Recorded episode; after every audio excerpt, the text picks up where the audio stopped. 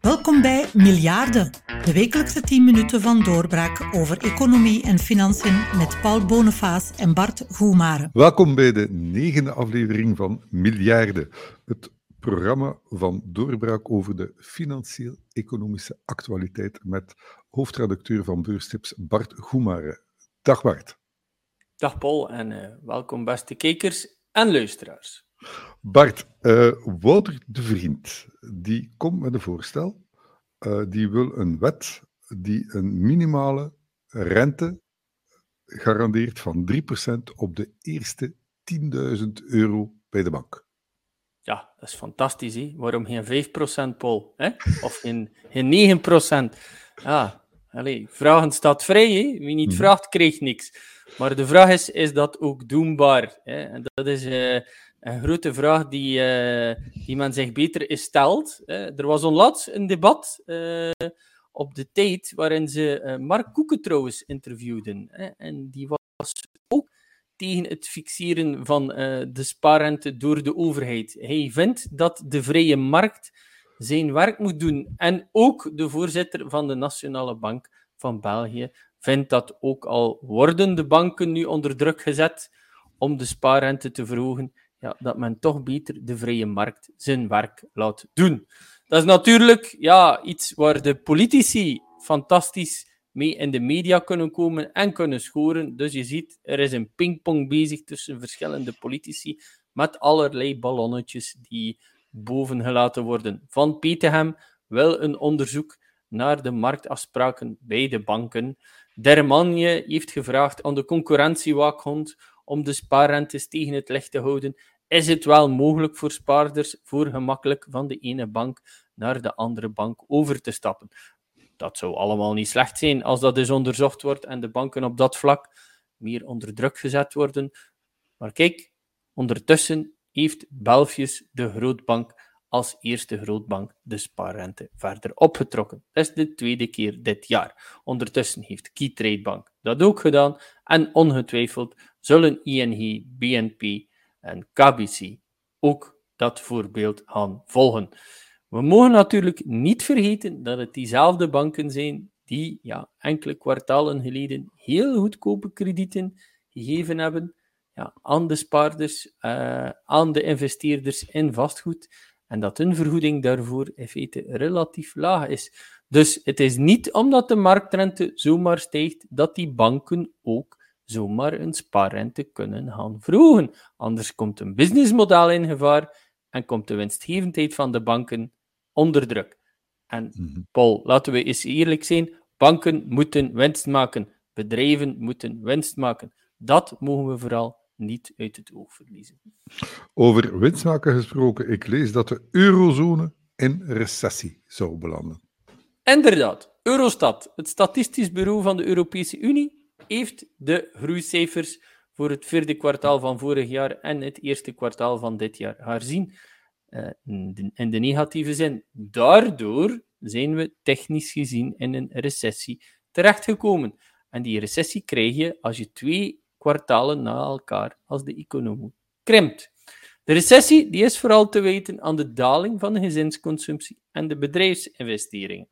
En dat is toch bijzonder, want enkele kwartalen geleden zei Lagarde, de voorzitter van de Europese Centrale Bank, nog dat we waarschijnlijk niet in een recessie gingen terechtkomen. Ja, en dat komt natuurlijk ja, door de hoge prijzen van gas en elektriciteit, die zorgen voor een soort van energieshock. Energieshock. Uh, wat moet ik mij daarbij voorstellen, Bart? Wat is een energieshock? Ja, ik kan daar heel veel technische termen en moeilijke hokus bij vertellen.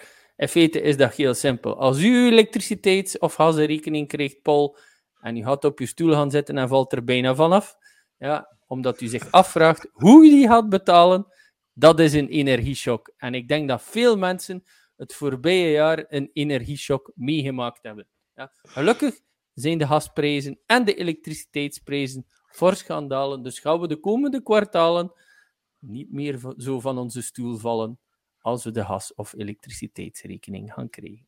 Kijk, dat maakt mij blij. Bart, uh, naast gas en energie is er ook kernenergie. En ik heb begrepen dat de Duitsers en de Fransen in de clinch liggen. En als die met elkaar in de clinch liggen, dan is het altijd uitkijken. Waarover gaat het conflict, Frans-Duitse conflict, vandaag?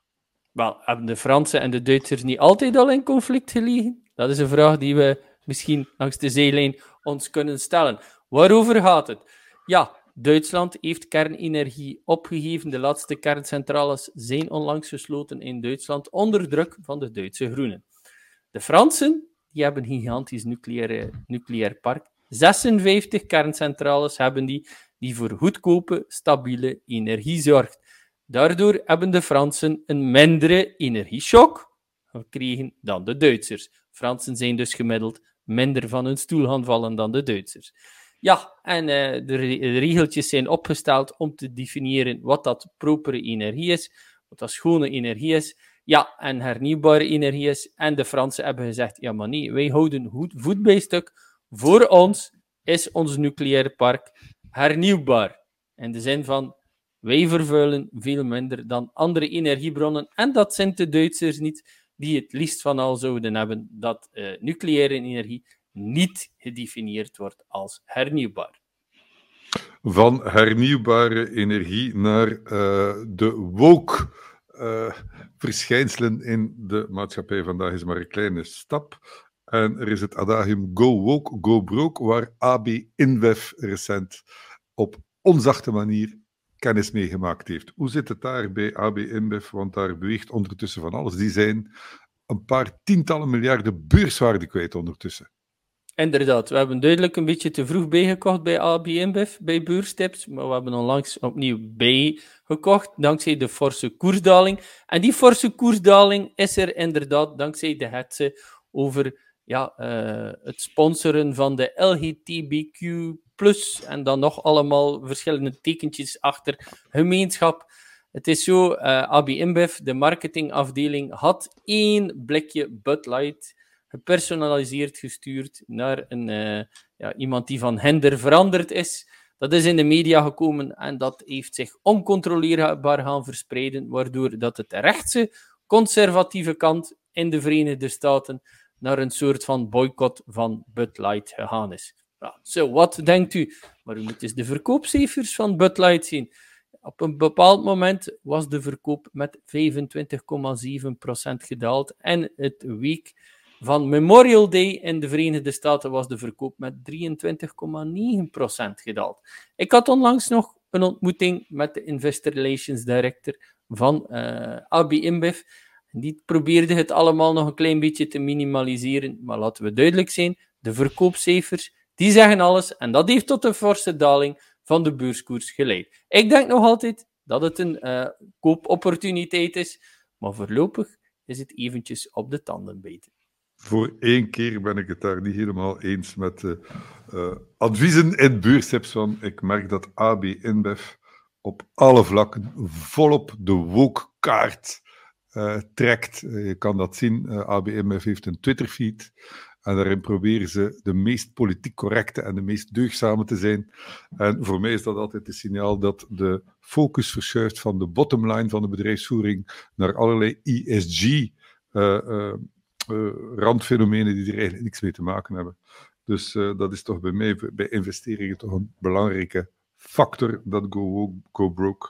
Uh, dus zeker iets om te blijven volgen. Hè. Inderdaad, Paul, maar de vraag, die je moet stellen, de vraag die je moet stellen is, staat de positie van Michel Doukiris, de CEO van AB InBev, daardoor niet ter discussie? En hoe hmm. lang zal het duren voordat hij de baan uh, of de laan uitgestuurd wordt. Ja. ja. En dan blijkt dat achteraf misschien wel een ideale instapopportuniteit. Dat zou goed kunnen, want dat is dan eigenlijk het, een herhaling van het scenario bij Disney. Waar ook een, uh, naar aanleiding van een, een conflict over woke met de gouverneur van Florida, Ron DeSantis, is de vorige CEO ook moeten opstappen en de de voorlaatste CEO is dan teruggekomen en sindsdien gaat het beter met het bedrijf. Maar voluit de wookkaart trekken blijkt voor bedrijven en multinationals toch niet het meest gezonde. Daarmee zitten we al helaas aan het einde van onze tijd. Bart Goemaar, hartelijk dank en uh, ik kijk uit naar ons volgende gesprek volgende week. En fijn weekend, Paul. U luisterde naar Miljarden, een podcast van Doorbraak. U kan deze podcast altijd opnieuw beluisteren op doorbraak.be-radio. Nog meer nieuws, analyse, interview en opinie vindt u op doorbraak.be. Word proefabonnee of abonnee van Doorbraak op doorbraak.be-abonnement en mis nooit nog een aflevering.